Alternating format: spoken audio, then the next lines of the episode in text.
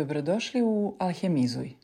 Moje ime je Darija i prije nego što počnemo sa današnjom epizodom, dozvolite mi da vam postavim nekoliko pitanja. Kada vas pitam što vas čini istinski srećnim, na što ili koga prvo pomislite? U čemu je smisao vašeg života? Kada budete bili u dubokoj starosti, hoće li to i dalje biti jednako važno? Da li biste u to ulagali vrijeme i energiju i kada biste znali da vam nikad niko za to neće dati nagradu? Razgovarajući sa ljudima, svakodnevno iznova imam priliku da se suočavam sa istim pitanjima. Što ljude čini zaista ispunjenim? Što nas čini mentalno zdravim i otpornim na stres? Kako to treba da pristupamo životu da bismo mogli reći da on za nas ima smisla? Naravno, odgovor na sva ova pitanja je vrlo ličan i za svakoga jedinstven. Ali postoje neke pravilnosti, neki principi koji su izdržali probu vremena kroz mnoge generacije, a na kraju krajeva su se potvrdile i bezbrojnim naučnim istraživanjima. U jednom od takvih istraživanja ljude u dubokoj starosti pitali su za čime najviše žale. Najučestaliji odgovor bio je da je to što nisu dovoljno vremena proveli sa ljudima koje vole ili misle da prema njima nisu bili dovoljno dobri. Druga i jedna od najdužih longitudinalnih studija u istoriji nauke urađena je baš na temu sreće. Radi se o istraživanju sprovedenom na Harvardu, Harvard Happiness Project. Tokom osam decenija praćen je ogroman broj ispitanika – Namjera istraživanja bila je upravo utvrditi što je to što je zajedničko ljudima koji prijavljuju veći stepen zadovoljstva životom i bolje mentalno i fizičko zdravlje. Nećete se iznenaditi ako vam kažem da to nije bio novac, niti uspjeh u karijeri, već bliski odnosi sa drugima. Oni ispitanici koji su imali snažne odnose sa drugima, partnerima, djecom, prijateljima, prijavljivali su veći stepen zadovoljstva, bolje fizičko zdravlje i veći procenat dugovječnosti uprkos životnim izazovima u odnosu na one koji nisu imali značajne dugotrajne odnose sa drugima. Odnosi bliskosti, povezanosti, pripadanja, to je ono što je pravilo taj psihološki imunitet.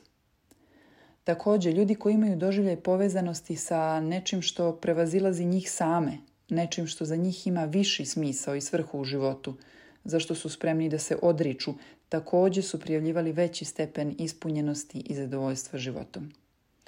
Za mene, ono što je zaista ispunjavajuće i čini me srećnom u životu nije nešto tamo negdje, neko egzotično mjesto, aktivnost ili postignuće. Za mene su odnosi sa bliskim ljudima najznačajnija karika bez koje ništa drugo ne bi imalo smisla. Za mene je porodični život, recimo, najuzbudljivija avantura života sa svim njegovim izazovima i čarobnim trenucima. Možda je tako i za neke od vas koji ovo slušate. Naravno, ne kažem da bi za svakoga trebalo da bude tako. Apsolutno ne. Također ne sugerišem da je sama činjenica da neko ima partnera i djecu nužno vodi sreći i zadovoljstvu. Naprotiv, znam mnogo ljudi koji se u partnerstvima ili okruženi mnogim prijateljima osjećaju vrlo usamljeno. Upravo zato me toliko i privlači tema odnosa i toga što je to što dobre, ispunjavajuće odnose razlikuje od onih koji to nisu. Zašto nam je postalo tako teško da ih uspostavljamo i održavamo? zašto muškarci i žene sve, sve rijeđe prilaze jedni drugima u kafićima i zašto se svaki četvrti brak razvodi. Zašto su naša djeca otuđena od nas i radije prate neke virtualne autoritete. I što je to što možemo da uradimo povodom toga? Upravo zato imam namjeru da se ovdje bavimo umjetnošću, alhemijom odnosa.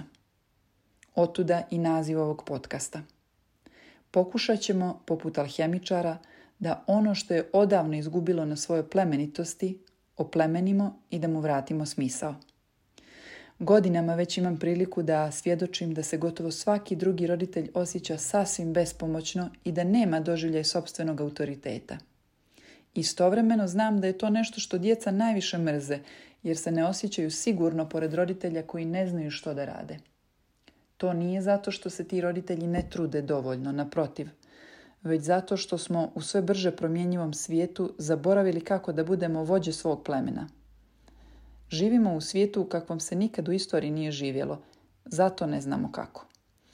A biti vođe svog plemena također ima veze sa umjećem odnosa, sa razumijevanjem uloga, sa preuzimanjem odgovornosti. Biti kapetan broda znači imati koordinate i smjer – jasnu mapu znači imati ideju o tome gdje želim da ovaj brod stigne i kako.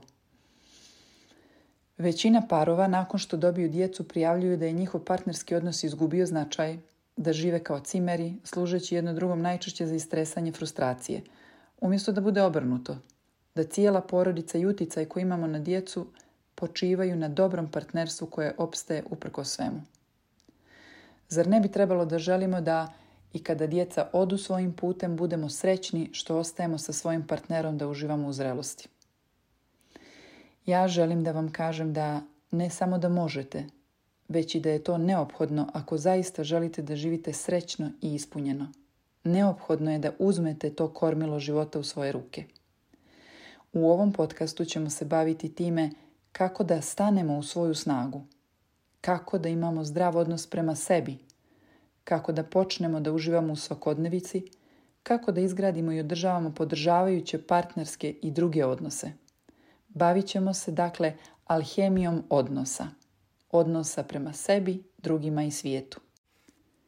Bez obzira na to da li imate partnera i djecu ili ne, ovaj podcast može biti za vas, jer ćemo govoriti o konkretnim principima zdravog odnosa prema sebi najprije, a onda i kako da dajemo drugima i kako da preuzimamo odgovornost upravljanja svojim životom kako bismo izgradili život po svojoj mjeri pun ljubavi, radosti i smisla.